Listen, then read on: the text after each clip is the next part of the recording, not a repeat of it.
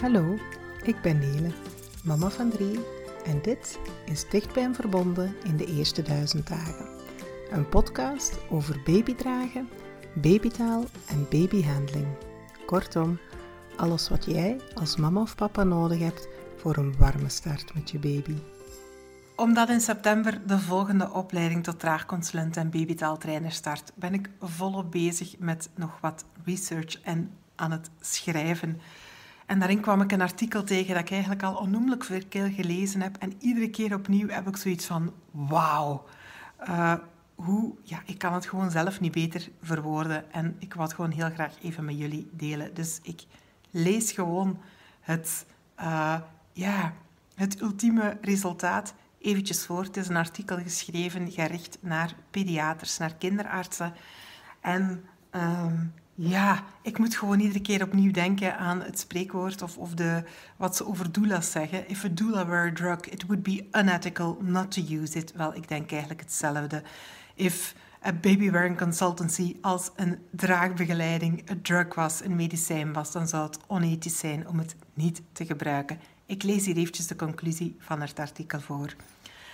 Het dragen van baby's tijdens de eerste levensmaanden is een eenvoudige, goedkope, preventieve interventie die kinderartsen kan helpen bij het oplossen van verschillende, vaak voortkomende, hardnekkige klinische problemen, waaronder een slechte hechting tussen ouders en kind, niet optimaal ouderschapsgedrag, vroegtijdige stopzetting van de borstvoeding, ouderlijke postpartum depressie, slecht slapen en het huilen van het kind, ontwikkelingsdysplasie van de heup, positionele plagiocefalie en vroegtijdige terugkeer van het werk veroorzaakte scheidingsproblemen voor zowel ouder als kind. Om redenen van veiligheid en comfort moeten ouders worden geadviseerd ergonomische geschikte babydragers te gebruiken, die zowel de gezonde houding van de verzorger als die van het kind ondersteunen en tegelijkertijd de luchtwegen van het kind beschermen. Babydragen bevordert de ontwikkeling van emotionele banden tussen ouders en hun zuigelingen, waardoor een veilige hechting wordt ondersteund en de basis wordt gelegd voor gezonde relaties waarvan bekend is dat ze bijdragen tot fysieke en emotionele gezondheid en welzijn gedurende het hele leven. Deze eenvoudige, goedkope interventie aan het begin van het leven heeft goed gedocumenteerde voordelen op korte en op lange termijn voor baby's en gezinnen en dus voor onze samenleving als geheel.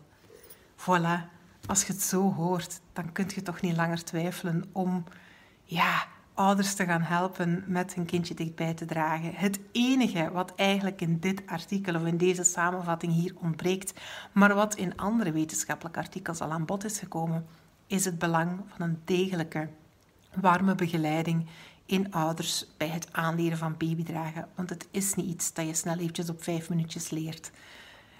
Deze quote is eigenlijk de conclusie uit het artikel Baby Bearing Practices and Effects on Parental and Child Physical and Psychological Health.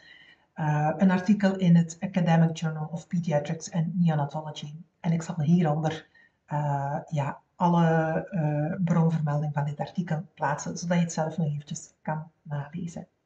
Ja, super enthousiast word ik hiervan. Daarom doe ik dus wat ik doe. Ik hoop dat jullie even enthousiast zijn als ik. Tot de volgende.